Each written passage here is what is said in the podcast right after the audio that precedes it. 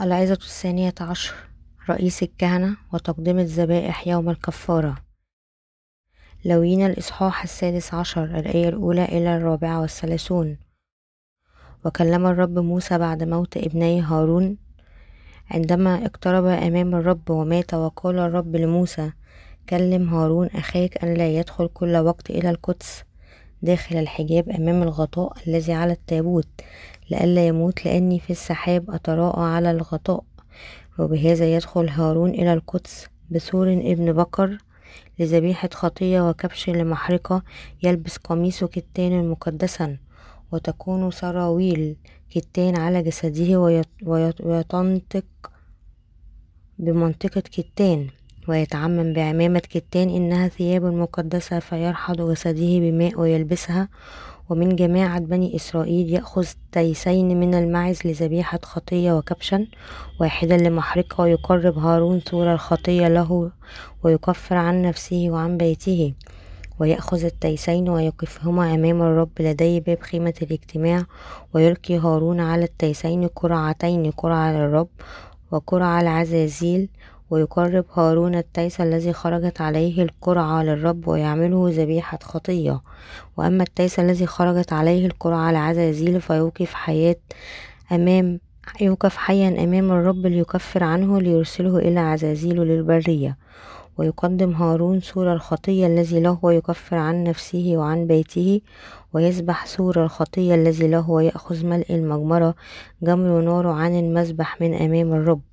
وملء راحتيه بخورا عطرا دقيقا ويدخل بهما إلى داخل الحجاب ويجعل البخور على النار أمام الرب فتخشى سحابة البخور الغطاء الذي على الشهادة فلا يموت. ثم يأخذ من دم الثور وينضح بإصبعه على وجه الغطاء إلى الشرق وقدام الغطاء ينضح سبع مرات من الدم بإصبعه.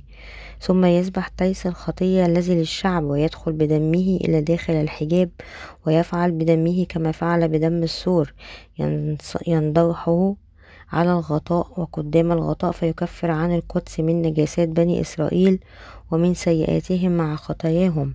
وهكذا يفعل لخيمة الاجتماع القائمة بينهم في وسط نجاساتهم ولا يكن إنسان في خيمة الاجتماع من دخوله للتكفير في القدس إلى خروجه فيكفر عن نفسه وبيته وجماعة إسرائيل ثم يخرج إلى المذبح أمام الرب ويكفر عنه ويأخذ من دم الثور ومن دم التيس ويجعل على قرون المذبح مستديرا وينضح عليه من الدم بإصبعه سبع مرات ويطهره ويقدسه من نجاسات بني إسرائيل. ومتى فرغ من التكفير عن القدس وعن خيمة الاجتماع وعن المذبح يقدم التيس الحي ويضع هارون يديه على رأس التيس الحي ويقر عليه بكل ذنوب بني إسرائيل وسيئاتهم مع كل خطاياهم. ويجعلها على رأس التيس ويرسله بيد من يلاقيه للبرية ليحمل التيس عليه ذنوبهم إلى أرض مقفرة.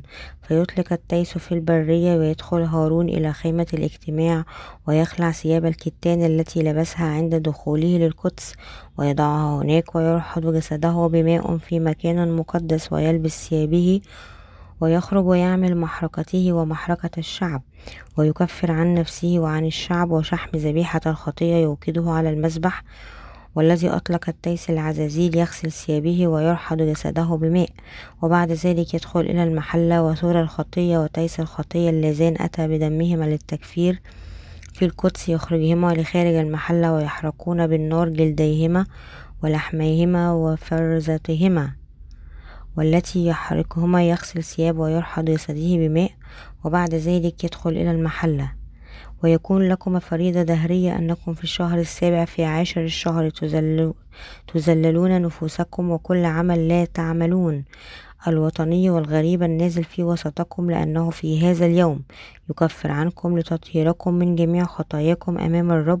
تطهرون سبت عطلاء هو لكم وتذللون نفوسكم فريضة دهرية. ويكفر الكاهن الذي يمسحه والذي يملأ يده للكهانة عوضا عن أبيه. يلبس ثياب الكتان الثياب المقدسة ويكفر عن مقدس القدس وعن خيمة الاجتماع والمذبح يكفر وعن الكهنة وكل شعب الجماعة يكفر وتكون هذه فريضة ظهرية للتكفير عن بني إسرائيل من جميع خطاياهم مرة في السنة. ففعل كما أمر الرب موسى. كان رئيس الكهنة هو الذي يقدم الذبيحة يوم الكفارة لشعب إسرائيل. تم تقديم هذه الذبيحة مرة واحدة في السنة في اليوم العاشر من الشهر السابع في التقويم العبري في هذا اليوم وعندما قدم رئيس الكهنة هارون تقدمة نيابة عن شعب إسرائيل من أجلهم تم نقل أساميهم بالفعل لذبيحة التقدمة وهذه وتطهيرها. ولذلك أصبح يوم الكفارة هو العيد الأكثر أهمية لشعب إسرائيل. مثل التقدمات الأخرى كان يجب أن تكون ذبيحة يوم الكفارة مسحوبة. بالمعايير الثلاثة الثابتة وهي الذبيحة التي لا تشوبها شائبة ووضع الأيدي وسفك الدماء وقبل الله الذبيحة بسرور التي أعطيت بهذه الطريقة بالذات.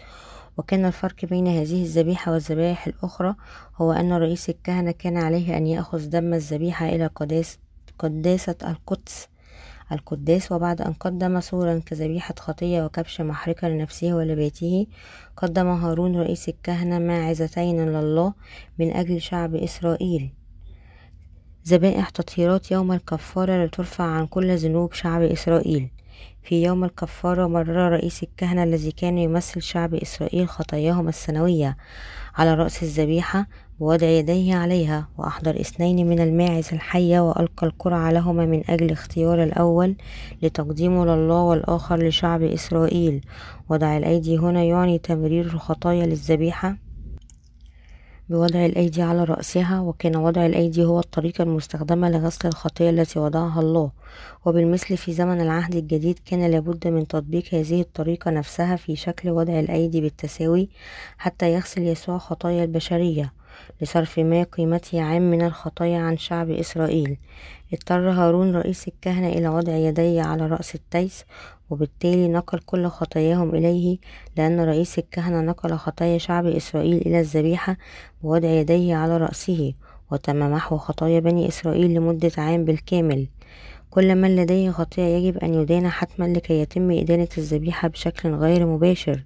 من أجل خطايا إسرائيل وكان عليها أولا قبول خطاياهم إذا كان رئيس الكهنة سيعطي تقدمة لله دون أن يضع يديه على رأسه لكانت هذه الذبيحة تجديفا على الله وبالتالي كان عليه أن يتأكد من عدم ارتكاب هذه الخطية أبدا. لإنقاذ البشرية جمعاء الذين تحولوا لخطاة كان على الله أن يضع خطته للخلاص التي تحققت من خلال طريقة وضع الأيدي لمحو خطايا شعب إسرائيل. ولتحقيق بر الله ومحبته بالكامل كان على الإسرائيليون. تقديم هذه الذبيحة في يوم الكفارة. بوضع يدي على رأس الكهنة على رأس الذبائح وقطع أعناقها لسحب دمها مرة واحدة في السنة. وبعبارة أخرى من خلال هذه التقدمة أراد الله أن يغسل خطايا شعب إسرائيل مرة واحدة للأبد. وكان هذا هو ناموس محبة الله التي يرضي رحمته وعدله. ولأن الله عادل لكي يمحو خطايا شعبه دفعة واحدة لشريعته العادلة أعد الله يسوع الحمل للذبيحة وجعلها يأخذ خطايانا من خلال وضع الأيدي وجعله ينزف على الصليب. يسوع الذي قدم نفسه كذبيحة أبدية أخذ خطايا الجميع على نفسه مرة واحدة إلى الأبد. وسفك دمه مرة واحدة وأكمل الخلاص من الخطية ولذلك يجب أن نأتي أمام الله أيضا بهذا الإيمان الذي يؤمن بحقيقة الخلاص التي تتجلى في الخيط الأزرق والأرجوانية والقرمزية والكتان المنسوج الناعم. من يريد أن ينال مغفرة الخطايا دفعة واحدة يجب أن يأتي إلى الله بإيمان يؤمن حقا بإنجيل الماء والروح. معنى وضع الأيدي. إن وضع الأيدي يعني أن نمرر أو ننقل أو ندفن. لويين الإصحاح الأول الآية الثالثة إلى الرابعة عندما أخطأ أي شخص من عامة الشعب عن غير قصد ثم أدرك ذلك كان عليه أن يعطي محرقة لله لويين الإصحاح السابع والعشرون الآية التاسعة والعشرون إلى الرابعة. وكان عليهم أولا إحضار ذبيحة بدون عيب ثم اضطروا لتمرير خطاياهم إليه بوضع أيديهم على رأسه ثم اضطروا لقطع حلقها وسحب دمها وإعطاء هذا الدم للكهنة لوين الإصحاح السابع والعشرون الآية الرابعة. ثم كان على الكاهن أن يأخذ بعض هذا الدم وبإصبعه ويضعه على قرون مذبح المحرقة ويسكب كل الدم المتبقي في قاعدة المذبح وكان عليه أن يحرق دهنه على المذبح وشم الله الرائحة للدهون المحترقة التي أعطيت أعطيت فيه هذه التقدمة. لقد تعلمنا بالفعل أنه لمحو خطايا شعب إسرائيل أعد الله ذبيحة يوم الكفارة. وضعت يدي رأس الكهنة على الذبيحة وسحب دمها وفي هذه الحالة لم يستطع الله أن يغسل خطايا بني إسرائيل دون وضع الأيدي على الذبيحة. هكذا فإن ذبيحة يوم الكفارة التي قدمت في العهد القديم ترتبط ارتباطا وثيقا بمعمودية ودم يسوع في العهد الجديد. تماما كما كان يجب أن تكون ذبيحة العهد القديم حيوانا لا تشوب شائبة في زمن العهد الجديد. جاء يسوع كحمل الله الذي لا تشوب شائبة واعتمد وسفك دمه على الصليب ليغسل آثام جميع الخطاة. كما كان على الذبيحة أن يقبل آثام الخطاة بوضع الأيدي في العهد القديم ونقل كل خطايا العالم إلى يسوع عندما وضع يوحنا المعمدان يديه على رأس يسوع ليعمده في نهر الأردن متى الإصحاح الثالث الآية الخامسة عشر. خطايا البشرية تجازي بغضب الله. أمام الله كنا خطاة لا يمكن إلا أن نموت من أجل خطايانا. تماما مثل ذبيحة الخطية التي كان من المقرر قتلها بسبب الخطايا التي أخذتها. وعندما نتخيل هذا الحيوان الذبيحة يقطع إلى قطع ويحرق بالنار على مذبح المحرقة يمكننا أن ندرك خلاص الله الرحيم الذي كان لابد لنا أيضا أن نهلك أمام الله. ومع ذلك فقد خلصنا الرب بتعميد يوحنا المعمدان وسفك دمه. لذلك يجب على أولئك الذين لم يولدوا حقا من جديد أن يعترفوا بأنفسهم كخطاة. يواجهون دينونة نارية على خطايا خطاياهم أمام الله ويؤمنوا بسرعة بمعمودية الرب ودمه كخلاصهم لكي يخلصنا من خطايانا بدلا من معاقبتنا عليها. وعد الله ذبيحة الخلاص التي لا تشوبها شائبة ونقل كل خطايانا إلى ذبيحة أبدية. هذه وجعله ينزف وبالتالي غفر كل خطايانا مرة واحدة وإلى الأبد. لوين؟ الإصحاح السادس عشر. الآية الأولى إلى الرابعة والثلاثون ورمي الإصحاح الثامن الآية الثالثة إلى الرابعة وعبرانيين الإصحاح العاشر الآية العاشرة إلى الثانية عشر. هل ما زلت لك خطاياك في قلبك؟ إذا كان الأمر كذلك فعليك أن تعترف أمام الله بأنك خاطي وتواجه دينونتي على الخطية. ويجب أن تؤمن بعد ذلك أنه من خلال يسوع المسيح حقق الله خطة الخلاص التي صممها حتى قبل تأسيس العالم. لا يمكن التكفير عن الخطايا دون دفع فدية مناسبة. ولهذا السبب أعطى الله شعب إسرائيل نظام الذبائح في نظام الذبائح هذا. كانت الذبيحة مصحوبة بوضع الأيدي وسفك دمائها. هي فقط الذبيحة الحقيقية للإيمان الذي يمكن أن يغسل خطايا بني إسرائيل. عندما نؤمن بكلمة الماء والروح ونضع أيدينا على الرب تصبح ذبيحة لنا. ويمكننا أن نموت ونعيش معه في هذه الحقيقة. رمي الإصحاح السادس الآية الأولى إلى الحادية عشر غلطي الإصحاح الثالث الآية السابعة والعشرون. الدروس الروحية التي يجب أن نتعرف عليها من خلال ذبيحة يوم الكفارة هي بادئ ذي بدء. يجب أن نعترف بخطايانا وإدانة خطايانا دون أن نفشل. وبعد ذلك يجب أن نقدم ذبيحة الإيمان التي يريد الله أن يتلقاها. أي يجب أن نؤمن بيسوع المسيح الذي تمم خلاصنا بمعموديته وسفك دمائه على الصليب. ويجب أن نضع أيدينا على رأس يسوع المسيح بمعموديته. لماذا؟ لأنه فقط عندما نضع أيدينا على الذبيحة التي لا تشوبها شائبة بالإيمان ونسحب دماءها يمكننا أن نخلص من خطايانا. ذبيحة يوم الكفارة. دعونا ننتقل إلى لاويين الإصحاح السادس عشر الآية السادسة إلى العاشرة ويقرب هارون ثور الخطية الذي له ويكفر عن نفسه وبيته ويأخذ التيسين ويوقفهما أمام الرب لدى باب خيمة الاجتماع. ويلقي هارون على التيس قرعتين قرعة للرب وقرعة لعزازيل ويقرب هارون التيس الذي خرجت عليه القرعة للرب ويعمله ذبيحة. ويعمله ذبيحة خطية. وأما التيس الذي خرجت عليه القرعة العزازيل فيوقف حيا أمام الرب ليكفر عنه ليرسله إلى عزازيل للبرية. لتمكين شعب إسرائيل من الحصول على مغفرة خطاياهم بالإيمان قدم رئيس الكهنة نيابة عنهم الذبيحة التي رافقها وضع الأيدي وسفك الدماء. كيف يمكننا أن نصف إيمان مسيحي اليوم؟ إنه ليس إيمانا تسعى تضحيته للحصول على مغفرة الخطايا بتمرير خطاياهم إليها. إذا لم يكن إيمانك هو نوع الإيمان الذي نقل خطاياك ليسوع المسيح من خلال وضع الأيدي فلديك مشكلة في متناول اليد. لا يسعنا إلا أن نفشل فشلا ذريعا في حفظ الناموس أمام الله وارتكبنا جميع أنواع الخطايا. طوال العام الماضي لذلك لو كنا عشنا في زمن العهد القديم لكنا بحاجة للحصول على مغفرة خطايانا من خلال الإيمان بذبيحة الخطية. ولأن وضع الأيدي على الذبيحة وسفك دمائها كان له قوة الخلاص يمكن لشعب العهد القديم أن ينال مغفرة خطاياهم. من خلال هذه الذبيحة التي قدمها رئيس الكهنة وفقا لنظام الذبائح الذي وضعه الله بوضع يديه على الذبيحة. مرر رئيس الكهنة خطايا شعبه لمدة عام عليها وقطع حلقها لسحب دمائها ورش هذا الدم أمام كرسي الرحمة وعلى جانبيها الشرقي سبع مرات وبذلك لم يتوقف أبدا عن إعطاء التقدمة الصحيحة لله مرة واحدة كل عام. هكذا من خلال ذبيحة الخطية التي أعطاها رئيس الكهنة آمن شعب إسرائيل وأكد في قلوبهم أن كل خطاياهم غفرت. وما تظهر لنا ذبيحة العهد القديم في يوم الكفارة هو أنه في العهد الجديد أخذ يسوع المسيح خطايا العالم بتعمده من قبل يوحنا المعمدان.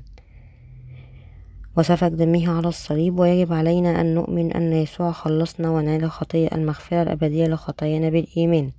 ويجب على جميع أرواح هذا العالم التي تتألم قلوبها وتتألم على خطاياها أن تدرك أنه يمكن أن تنال مغفرة الخطايا الأبدية من خلال الإنجيل بالماء والروح. ذبيحة يوم الكفارة التي نفذت في خيمة الاجتماع. في يوم الكفارة ورعاية كل خطايا شعب إسرائيل وضع رئيس الكهنة يديه على رأس الذبيحة أمام محضر كل إسرائيل. لوين الإصحاح السادس عشر الآية العشرون إلى الثالثة والعشرون؟ وكان من الضروري للغاية بالنسبة له أن يمرر خطاياهم السنوية إلى الذبيحة ووضع يديه على رأسه نيابة عنهم. وقدم هارون رئيس الكهنة ذبيحة يوم الكفارة داخل خيمة الاجتماع من أجل شعب إسرائيل. ولم يستطع أي شخص آخر الدخول لخيمة الاجتماع لقد كان حدثا غير عادي لأن العديد من الكهنة اعتادوا أن يكونوا في محكمة خيمة الاجتماع ويقومون بواجباتهم ولكن كان عليهم إخلائها في يوم الكفارة. ونقل رئيس الكهنة خطايا شعب إسرائيل للذبيحة ووضع يديه على رأسها وأخذ دم هذه الذبيحة إلى القداسة ورشها بإصبعه على كرسي الرحمة على الجانب الشرقي. وأمام كرسي الرحمة يرش بعض الدم سبع مرات لوين الإصحاح السادس عشر الآية الرابعة عشر. وخلال هذا الوقت كانت الأجراس الذهبية التي تعلق على هدب رداء رئيس الكهنة ملزمة بالرنين. وهكذا في كل مرة كان يرش فيها الدم أمام كرسي الرحمة وعلى جانبيه الشرقي. دقت هذه الأجراس وسمع شعب إسرائيل الذين كانوا واقفين خارج خيمة الاجتماع صوت هذه الأجراس. عندما سمع الإسرائيليون صوت أجراس الذهب هذا أدركوا أن رئيس الكهنة كان يقدم الذبيحة نيابة عنهم. وبعد أن سمعوا صوت الأجراس لجميع المرات السبع تنهدوا بارتياح لأنهم عرفوا أن ذبيحة يوم الكفارة داخل خيمة الاجتماع قد انتهت الآن مما يؤكد اكتمال الذبيحة التي غفرت بقيمة عام من خطاياهم. وبعد ذلك خرج هارون رئيس الكهنة من خيمة الاجتماع وأخذ التيس الآخر الباقي وقدم يوم الكفارة يوم حضور شعب إسرائيل أمام أمر الله شعب إسرائيل ألا يفعلوا شيئا في يوم الكفارة. لوين الإصحاح السادس عشر الآية العشرون إلى الحادية والعشرون. وتجمع حشد كبير من بني إسرائيل لرؤية تقديم هذه الذبيحة خارج خيمة الاجتماع. وضع رئيس الكهنة يديه على رأس التيس الذبيحة لإتمام واجباته. وأرسلها بعيدا إلى البرية بيد رجل مناسبا. وفي يوم الكفارة أحضر رئيس الكهنة كبش الفداء أمام شعب إسرائيل. ووضع يديه على رأسه واعترف بكل آثام وتعديات بني إسرائيل. ونقلها إلى التيس ربما قال يا رب أعترف بالخطايا التي ارتكبها شعب إسرائيل هذا خلال العام الماضي وفشلنا في حفظ الناموس بالكامل وارتكبنا خطايا لا حصر لها ضدك وضد بعضنا البعض. ولأجل أجرة الخطية هي موت لم يستطع الله أن يترك كبش الفداء حيا بعد قبول خطايا شعب إسرائيل. وكان على كبش الفداء الذي ترك في البرية أن يعاني ويموت في البرية لأنه تحمل آثام وعيوب وتجاوزات شعب إسرائيل. الآن بدأ كل شعب إسرائيل يتمتعون بعيد المظال لوين الإصحاح الثالث والعشرون الآية الرابعة والثلاثون. ولأنهم من خلال ذبيحة يوم الكفارة تخلوا عن الخطايا التي ربطتهم خلال العام الماضي. إن وضع الأيدي هو الوسيلة التي يتم من خلالها نقل خطايا جميع الناس إلى الذبيحة. عندما وضع رئيس الكهنة يديه على الذبيحة تم نقل جميع خطايا شعب إسرائيل التي تراكمت لمدة عام. مرة واحدة وإلى الأبد ولكل خطية إسرائيلي تم تمريرها دفعة واحدة إلى ذبيحة الذبيحة من خلال وضع رئيس الكهنة لليدين. هل يمكن نقل كل خطايا شعب اليوم إلى ذبيحة؟ الذبيحة بوضع الأيدي؟ كما تم تمرير أسام شعب إسرائيل بوضع يدي رئيس الكهنة في زمن العهد القديم. إذا لم يكن هذا ممكنا فأين هو الطريق لشعب اليوم لتلقي مغفرة خطاياهم؟ من يمرر خطاياهم وكيف ولمن؟ وفقا لنظام الذبائح الذي أسسه الله في عصر العهد القديم. تماما كما قبل كبش الفداء كل خطايا شعب إسرائيل من خلال رئيس الكهنة مع وضع يديه. أصبح يسوع ذبيحة لا تشوبها شائبة لمغفرة الخطايا الأبدية. لنا جميعا نحن الذين نعيش الآن في هذا العصر الحاضر. يسوع الذي أصبح كبش فداء لنا قدم نفسه لله كحمل الذبيحة من أجل خطايانا بكلمات أخرى. تعمد يسوع على يد يوحنا المعمدان وسلم نفسه ليصلب كما في العهد القديم وضع الله ذبيحة لشعب إسرائيل ونقل خطاياهم للحيوان الذبيحة وأداؤه بدلا من ذلك. لم يستطع كبش الفداء الذي تم إرساله إلى البرية البقاء على قيد الحياة لأنه لم يكن هناك ماء ولكن فقط شمس حارقة لا هوادة فيها في الصحراء المقفرة وبالمثل.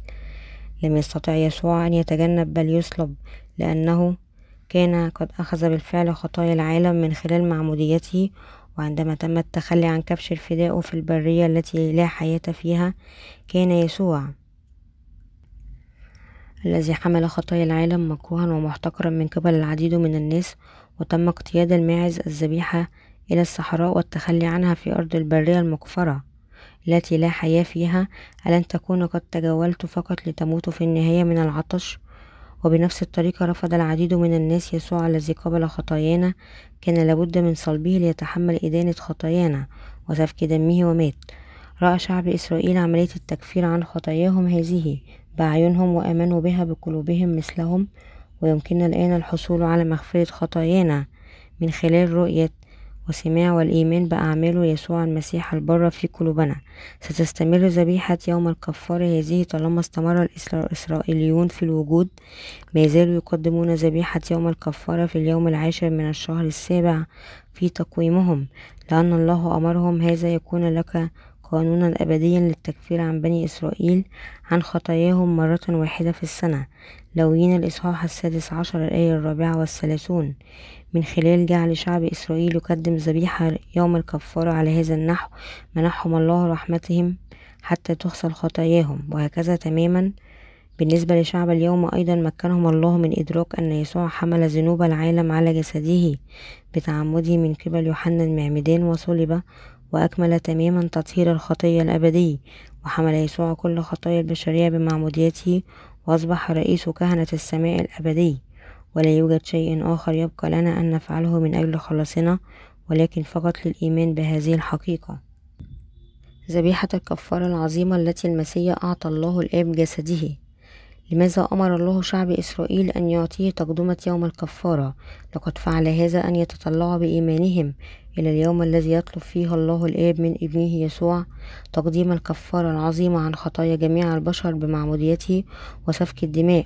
ولهذا السبب جاء يسوع الإبن الوحيد الله الآب ومخلص البشرية جمعاء إلى الأرض ليمحو خطايا الجميع وأتم كل شيء بمحبة الله.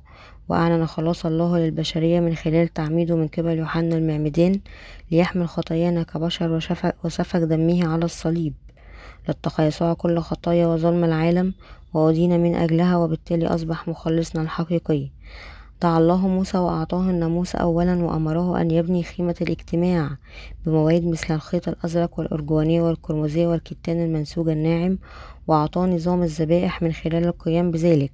مكن الله شعب إسرائيل من إدراك أهمية وضع الأيدي وسفك الدماء وأظهر لهم أن يسوع المسيح باب الخلاص الذي تنبأ به خيمة الاجتماع.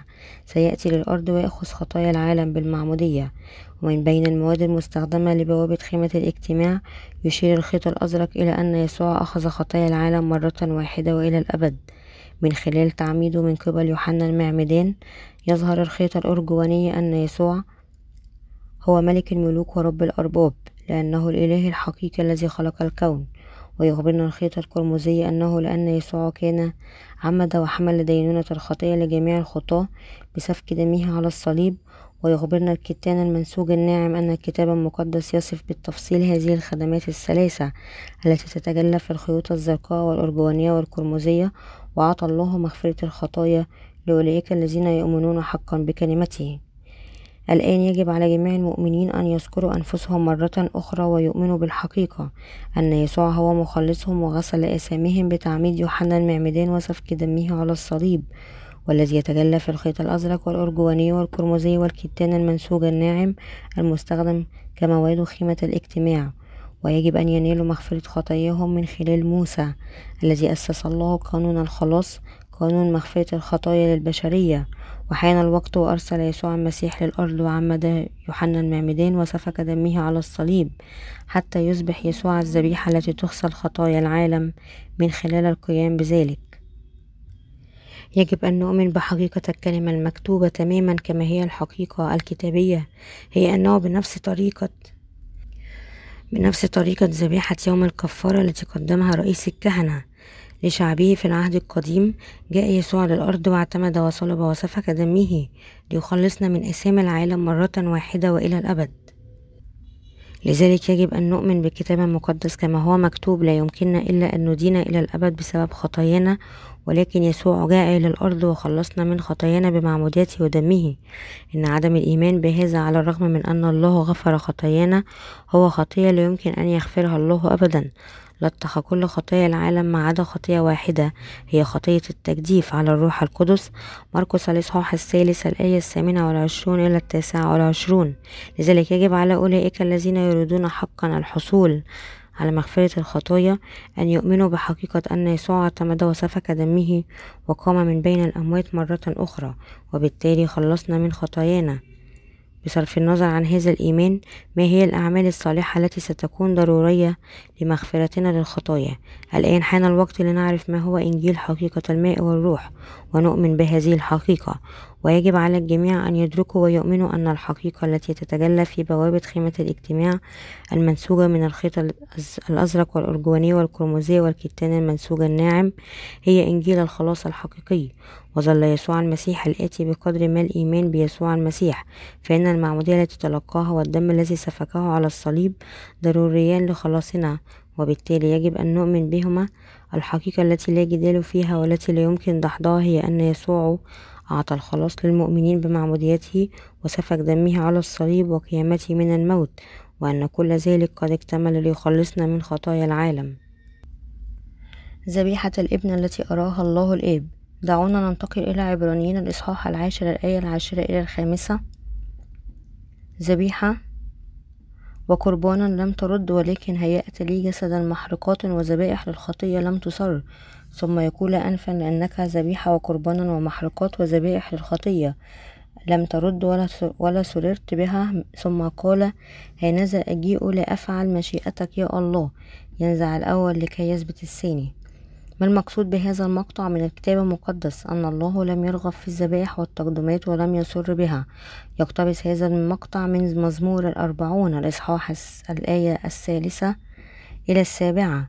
هذا يعني أن كل خطايا العالم لا يمكن محوها بالكامل بالتقدمات اليومية للعهد القديم وأنه لتقديم ذبيحة الخطية جاء يسوع للأرض واعتمد وسفك دمه وقام من بين الأموات وبالتالي أصبح مخلصنا جميعا معنى مزمور الأربعون الآية السابعة التي يقول هانذا جئت بدرج الكتاب مكتوبا عني هو أن يسوع جاء للأرض وغسل الذنوب ووضع الأيدي وسفك دمه كما هو مكتوب في العهد القديم في عصر العهد القديم كانت خطايا شعب إسرائيل مغفورة كما قدمت الذبيحة لله في يوم الكفارة بوضع يدي رئيس الكهنة وسفك دماء الذبيحة وبالمثل فإن يسوع المسيح الذي جاء للأرض ليصبح الذبيحة الأبدية للبشرية جمعاء أخذ خطايا العالم من خلال تعميده في شكل وضع الأيدي وتحمل كل إدانة خطايا البشرية بحمل خطايا العالم للساذه إلى الصليب. تماما كما وعد الله من خلال نظام غيمة الاجتماع جاء يسوع في العهد الجديد للأرض وبالتالي أكمل خلاصنا مرة واحدة وإلى الأبد. لذلك فإن أولئك الذين يؤمنون بخلاصه خلصوا من خطاياهم في خيمة الاجتماع. وكان وعد الله بأن يسوع سوف يمحو إلى الأبد خطايا جميع الناس مرة واحدة وإلى الأبد من خلال المعمودية وسفك دمه على الصليب وبالتالي تحقيق كلمة الله إلى الكمال. يؤمن شعب إسرائيل أن كلمة الله هي وحدها الناموس ونبوات أنبياء العهد القديم ولكنهم غير قادرين على الإيمان بيسوع المسيح الذي جاء إلينا في عصر العهد الجديد كالله هو المخلص ويجب على جميع شعوب هذا العالم بما في ذلك شعب إسرائيل أن يدركوا الآن أن يسوع هو الله نفسه ويقبلوا في قلوبهم أنه المسيح الآتي. لماذا جاء يسوع؟ جاء ليحقق إرادة الله الآب ويخلص جميع أولئك الذين يؤمنون أنه جاء للعالم ليغسل كل خطاياهم للأبد. كما تقول عبرانيين الإصحاح العاشر الآية العاشرة فبهذه المشيئة نحن مقدسون بتقديم جسد يسوع مرة واحدة. ويجب أن ندرك بوضوح ونؤمن أنه بمشيئة الله الآب ولد يسوع على هذه الأرض واعتمد وفقا لإرادة الآب وأنه بهذه الإرادة صلب وسفك دمه حتى الموت على الصليب وقام من بين الأموات وبالتالي أصبح مخلص أولئك الذين يؤمنون به. لمحو كل خطايانا وفقا لإرادة الله الآب ولأن يسوع المسيح ضحى بنفسه ليمحو ليس فقط خطايا شعب إسرائيل ولكن خطايا الأمم بأكملها. لا يمكننا أن نخلص إلا إذا آمن كل واحد منا بهذا بقلوبنا. خلال الثلاثة والثلاثون عاما من حياته اعتمد يسوع مرة واحدة وضحى مرة واحدة. ولكن أعمال مخلصنا البرة قد أنقذت خطايا العالم مرة واحدة إلى الأبد. هذا هو الخلاص الوحيد والكامل كما لطخ يسوع مرة واحدة كل الخطايا التي ارتكبتها البشرية من بداية العالم إلى نهايته. مكنا أيضا من أن نخلص مرة واحدة وإلى الأبد بالإيمان من خلال تقديم جسده مرة واحدة. جعلنا يسوع المسيح كاملين للأبد كما تعمد من قبل يوحنا وأدين على خطايانا بسفك دمه ويجب علينا الآن أن نؤمن بسرور بهذا الإنجيل الحقيقي في قلوبنا وبالتالي نخلص من خطايانا بمشيئة الله الآب. هذه الكلمة هي بالتأكيد الحقيقة التي يجب أن نؤمن بها أنا وأنت الذي نعيش الآن في هذا العالم الحديث. ويجب أن نربط معمودية يسوع وسفك دمه على الصليب ونؤمن بكليهما باعتبارهما مجموعة الحقيقة الواحدة التي تخلص تماما. إذا فشلنا في القيام بذلك فنفقد بالتأكيد مغفرة الخطايا الأبدية. لذلك يجب أن نؤمن وفقا لكلمة الله المكتوبة ووفقا لحقيقة إنجيل الماء والروح. إنجيل الماء والروح يلقي نور الخلاص ولكن إذا أضفنا إليه شيء آخر أو طرحنا أو طرحنا بعض الأساسيات من الإنجيل الحقيقي عندما نؤمن بالله أو إذا لم نؤمن بالحق فإن نور إنجيل الخلاص هذا سينطفئ فقط ليتم إخفاؤها ثم تختفي. يجب ألا نقع في وهم أن إنجيل حقيقة الماء والروح هو مجرد واحدة من العقائد الدنيوية. كما يفعل الخطاة المسيحيون ويعلمون أنه يمكن للمرء بطريقة ما أن ينال مغفرة الخطايا من خلال صلوات التوبة ومن خلال مطالبة الله أن يغفر خطاياه على أساس يومي. قال الله بوضوح في عبرانيين الإصحاح العاشر الآية الحادية عشر وكل كاهن يقوم كل يوم يخدم ويقدم مرارا وكثيرة تلك الذبائح عينها التي لا تستطيع البتة أن تنزع الخطية. أخبرنا الله أن الخطايا التي نرتكبها كل يوم لا يمكن أن تغسل لمجرد أننا نطلب من الله أن يغفر لنا خطايانا اليومية بإيماننا بدم الصليب فقط. لأن الذبيحة التي قدمها يسوع للآب بتعمده من قبل يوحنا المعمدان وموته على الصليب. كانت ذبيحة الخلاص الكاملة فقد خلصنا بالكامل بالإيمان بهذه الذبيحة. بالإيمان بالمعمودية التي تلقاها يسوع ودمه على الصليب متنا أيضا مع يسوع. وعدنا إلى الحياة بالإيمان. تقول رسالة روميا الإصحاح السادس الآية الثالثة والعشرون لأن أجرة الخطية هي موت ولكن عطية الله هي الحياة الأبدية في المسيح يسوع ربنا.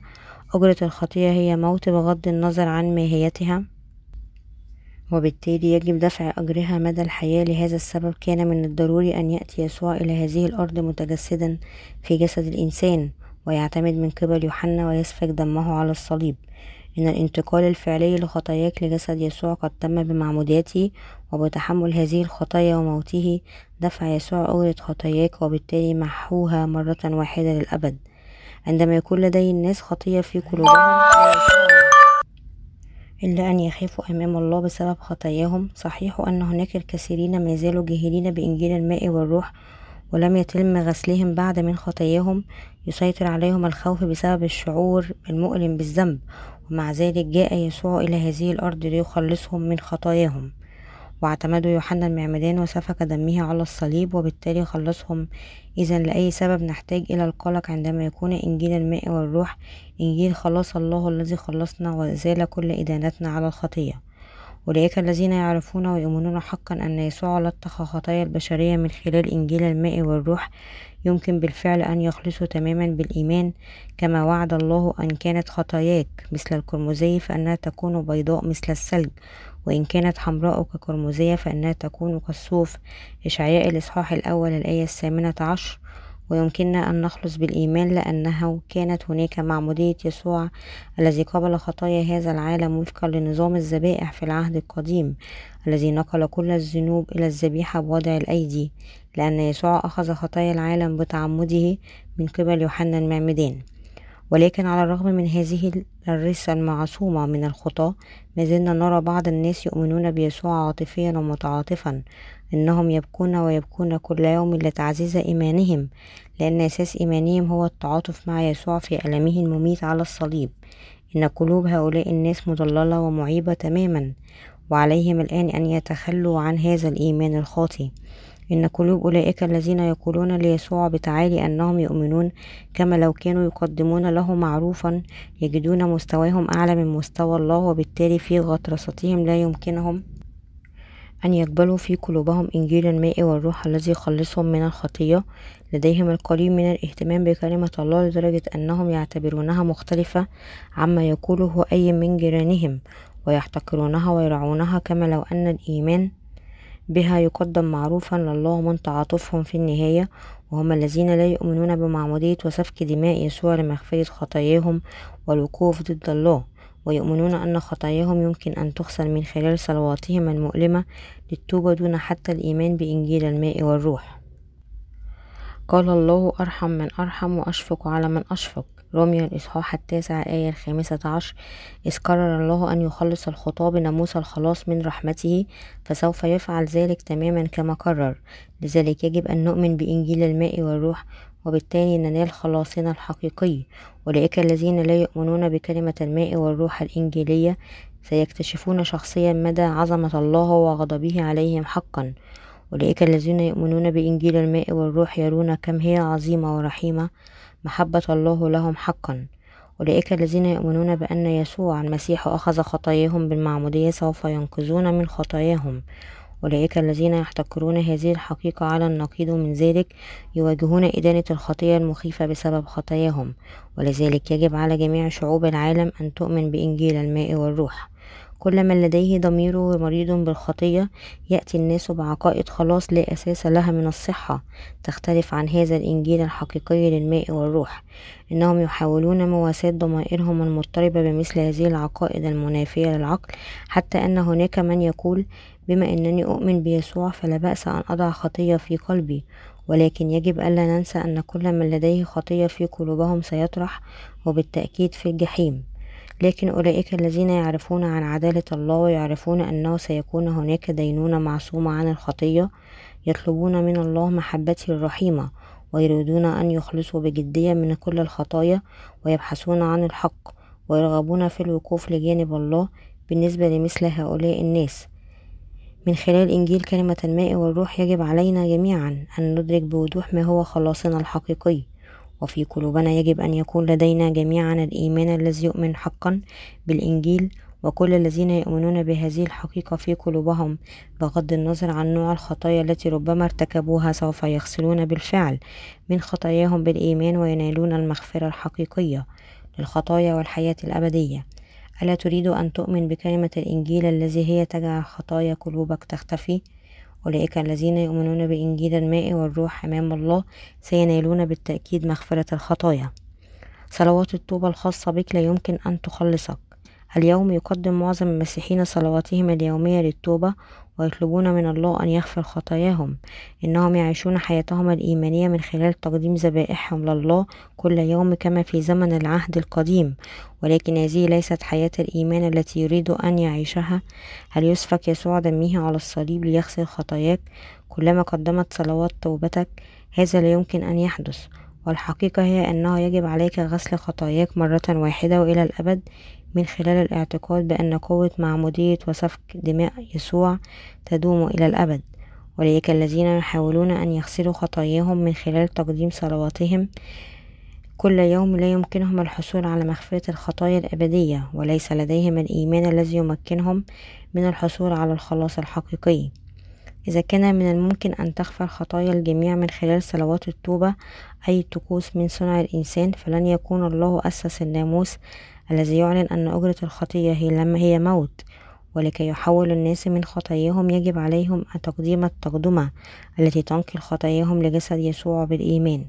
ما يجب أن يكون لدينا ليس نوع الإيمان الذي يعطي صلوات التوبة ولكن الذي يؤمن بإنجيل الماء والدم الذي يتجلى في الخيط الأزرق والأرجوانية والقرمزية والكتان المنسوج الناعم. تماما كما نقل خطاة العهد القديم خطاياهم إلى ذبائحهم بوضع أيديهم على رأسه. عندما قدموا ذبيحة خطاياهم يجب علينا أن ننقل خطايانا إلى يسوع المسيح بالإيمان بمعموديته. وبهذا الإيمان الذي يؤمن بمعموديته وسفك دمه على الصليب يجب أن نخرج إلى الله وننال مغفرة الخطايا الأبدية. قال الله لأن القلب يؤمن به للبر والفم يعترف به للخلاص. إذا الإيمان بالخبر والخبر والخبر بكلمة الله رمي الإصحاح العاشر الآية العاشرة إلى السابعة عشر. يقول يوحنا الإصحاح التاسع والعشرون الآية الأولى في اليوم التالي رأى يوحنا يسوع قادما نحوه وقال هوذا حمل الله الذي يرفع خطية العالم ويصف هذا المشهد الشهادة التي قدمها يوحنا في اليوم التالي الذي عمد فيه يسوع عندما رأى يوحنا المعمدان يسوع يقترب منه قال انظروا أيها الناس هناك يذهب واحدا تسبب في هذا في ضجة بين الحشد الذي تجمع حول يوحنا المعمدان وصرخ يوحنا فوق دينه وذا هنا يأتي حمل الله. إنه ليس سوى ابن الله وحمل الله نفسه الذي حمل خطايا البشرية من خلالي إنه مخلصنا. يسوع المسيح حمل الله. ها هنا يذهب حمل البشرية من خلالي حمل الله الذي يرفع خطايا العالم. لأن يوحنا المعمدان قد عمد يسوع ونقل خطايا العالم إليه واستطاع يوحنا أن يشهد شخصيا ليسوع لأن يوحنا نقل خطايانا ليسوع بتعميده بهذه الطريقة وأصبح يسوع المسيح حمل الذبيحة الذي لا تشوبه شائبة. في العهد القديم تم قبول مغفرة الخطية من خلال تقديم الذبائح لله ولكن في العهد الجديد من خلال الإيمان الذي يؤمن بالكامل بمعمودية يسوع ودمه على الصليب يمكننا أن نتخلى عن خطايانا لأن الله أخذ مثل هذه الماشية مثل السيران والحملان والماعز كذبيحة لمحو خطايا شعب إسرائيل. وقتل عدد لا يحصى من الحيوانات ونزف وقطع إلى قطع وأحرق على مذبح المحرقة ثم بالفعل قتل عدد لا يحصى من الأضاحي بسبب خطايا أصحابها. في العصر الجديد العهد الجديد لم يقدم يسوع مثل هذه الذبائح وقدم جسده من أجلنا لأن يسوع حمل الله جاء للأرض وقبل خطايا العالم على جسده من خلال معموديته. يأمرني الله الآن أن نؤمن بحقيقة الخلاص الحقيقي إنه يقول لنا لقد لطخت كل خطاياكم لأني أحببتكم كثيرا. لقد أنقذتك لذا صدق لقد لطخت كل خطاياكم بإعطاء ابني ذبيحة خطية لكم وتركت ابني يعيش على هذه الأرض. لمدة ثلاثة وثلاثون سنة واعتمدته وجعلته يسفك دمه على الصليب من أجلكم ومن خلال القيام بهذا خلصتكم بالكامل من خطاياكم وإدانتكم. الآن من خلال الإيمان بهذه الحقيقة يمكنك أن تصبح أولادي الذين أعتز بهم ويمكن احتضانهم بين ذراعي. اعرفوا وآمنوا بالحقيقة في قلوبكم.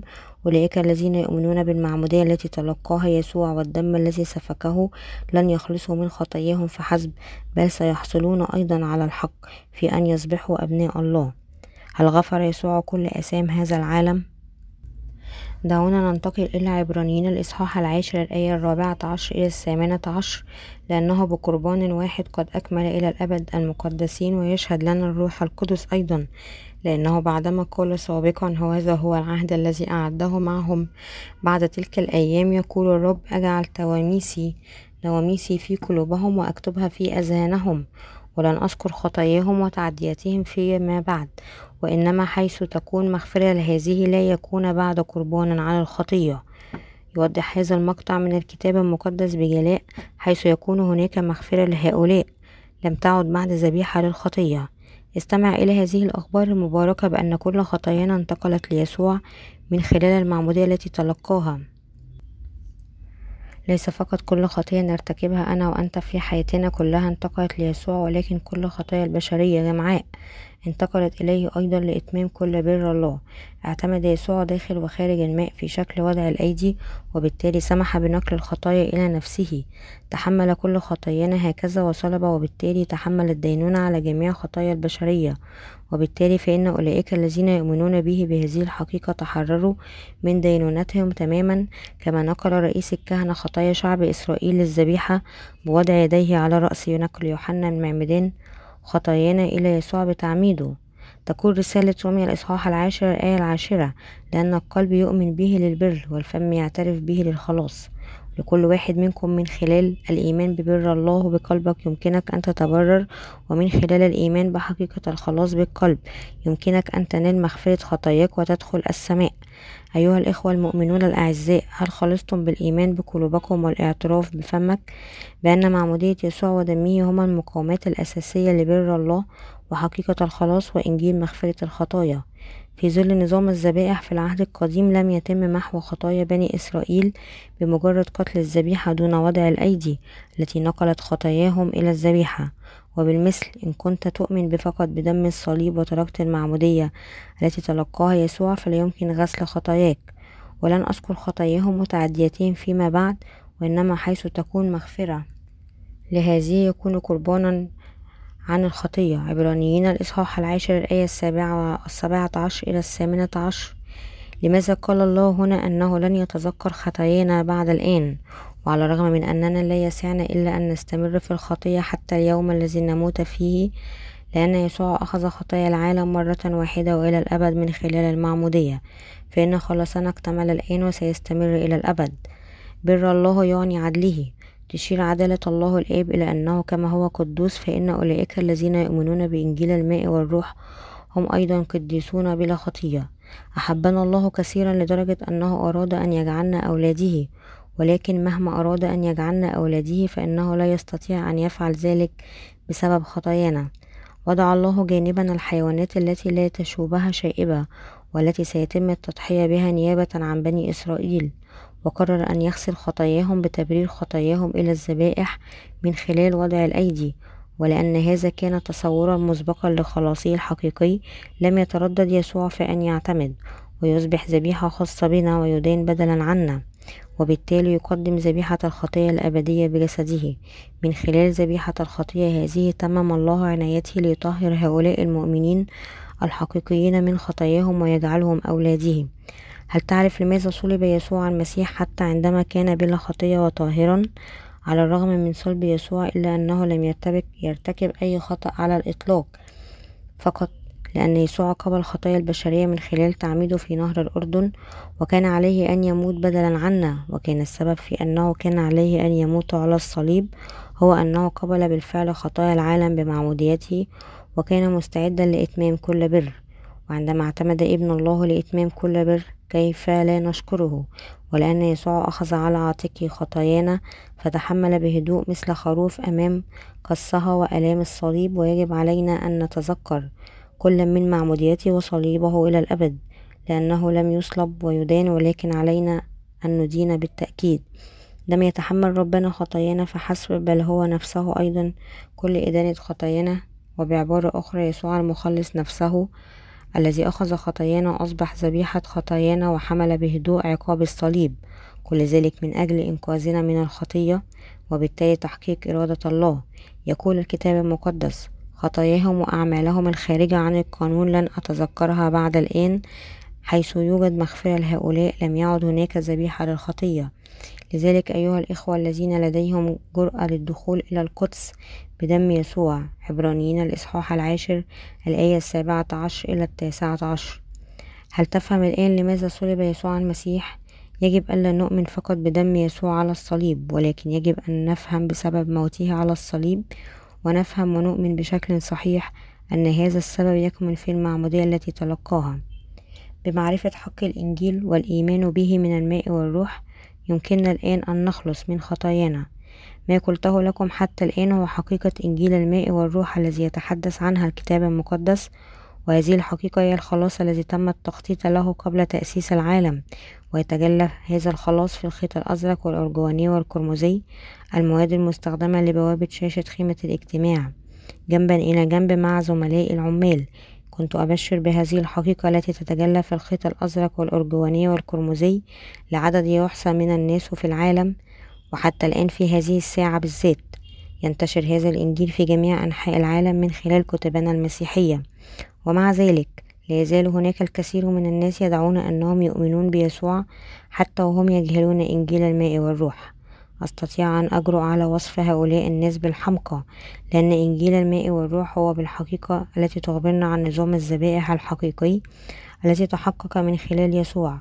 الجوهر الفعلي لظل الخلاص الذي يتجلى في خيمة الاجتماع وحان دورك إذا كنت قد أمنت دون معرفة هذه الحقيقة فقد حان الوقت الآن لكي تستدير وتؤمن بإنجيل الماء والروح وتتلقى مغفرة خطاياك. لقد تم الوعد بمعمودية يسوع موتها على الصليب حتى قبل تأسيس العالم وتجلى أيضا في الخيط الأزرق والأرجواني والقرمزي والكتان المنسوج الناعم. ولإنقاذك وخلصنا من كل خطايانا اعتمد يسوع ومات على الصليب وقام من بين الأموات مرة أخرى وهو الآن جالس عن يمين الله الآب هل ما زلت تحاول أن تؤمن بيسوع من خلال إتباع تجاربك أو عاطفتك دون معرفة هذه الحقيقة؟ تقول رسالة العبرانيين الإصحاح العاشر الآية التاسعة عشر إلى العشرون لذلك أيها الإخوة الذين لديهم جرأة على دخول الأقدس بدم يسوع بطريقة جديدة وحية كرسها لنا من خلال الحجاب أي جسده. عندما صلب يسوع المسيح بعد أن أخذ خطايا العالم بالمعمودية تمزق حجاب الهيكل إلى قسمين وغسلت خطايا البشرية بمعمودية يسوع ودمه على الصليب وكان حجاب المعبد المنسوج أيضا من الخيط الزرقاء والأرجوانية والقرمزية والكتان المنسوج الناعم قويا جدا لدرجة أنه لا يمكن تمزيقه حتى عندما يتم سحبه في اتجاهين متعاكسين. بواسطة أركانه الأربعة. بواسطة أربعة خيول. إن تمزق حجاب الهيكل القوي هذا إلى قسمين من أعلى إلى أسفل. حتى عندما لم يلمسه أحد يكشف أنه في اللحظة التي أكمل فيها يسوع المسيح مهمته أبواب السماء على مصراعيها. إن تمزيق حجاب الهيكل من أعلى لأسفل يعني أن جميع جدران الخطية قد هدمت. ماذا يعني إذا أن جدران الخطية قد هدمت؟ هذا يعني أنه يمكن لأي شخص أن يتخلى عن كل خطاياه بالإيمان بالمعمودية التي تلقاها يسوع المسيح ودمه على الصليب. وما سعى لإظهاره من خلال حجاب الهيكل الممزق هو أن خلاص البشرية تحقق مرة واحدة وإلى الأبد من خلال خدمات يسوع الموضحة في الخيط الأزرق والأرجواني والقرمزي والكتان المنسوج الناعم. كما أحبك الله وكذلك أحبك يسوع المسيح ابن الله. وأعطاك خلاصا كاملا بتعمدك من قبل يوحنا المعمدان وصلبه ومن خلال قبول محبة الله هذه المعطاة لنا من خلال يسوع المسيح. والإيمان والحق الذي يمكننا من دخول ملكوت الله اختفت خطايانا من خلال الإيمان بإنجيل الماء والروح. حتى كل خطايانا الشخصية قد أزيلت. تكون رسالة العبرانيين العاشرة الآية الثانية والعشرون لنتقدم بقلب صادق. في يقين الإيمان مرشوش قلوبنا من ضمير شرير. ومغتسل أجسادنا بماء نقي. يستمر الكتاب المقدس في الحديث عن غسل الخطية. ويمكننا أن نخلص من خطايانا بالإيمان بحقيقة أن يسوع المسيح. قد غسل كل خطايانا التي نرتكبها بجسدنا وعقلنا من خلال معموديته كما غسل رئيس الكهنة نجاسته في مغسلة النحاس بعد تقديم القرابين وبعد تطهير خطايانا بالإيمان بمعمودية يسوع. يجب علينا أن نتذكر هذه الحقيقة كل يوم. كما اغتسل رئيس الكهنة في مغسلة من البرونز يجب أن نغسل خطايانا من خلال التذكر والإيمان كل يوم بأن خطايانا تطهرت بالفعل بمعمودية يسوع.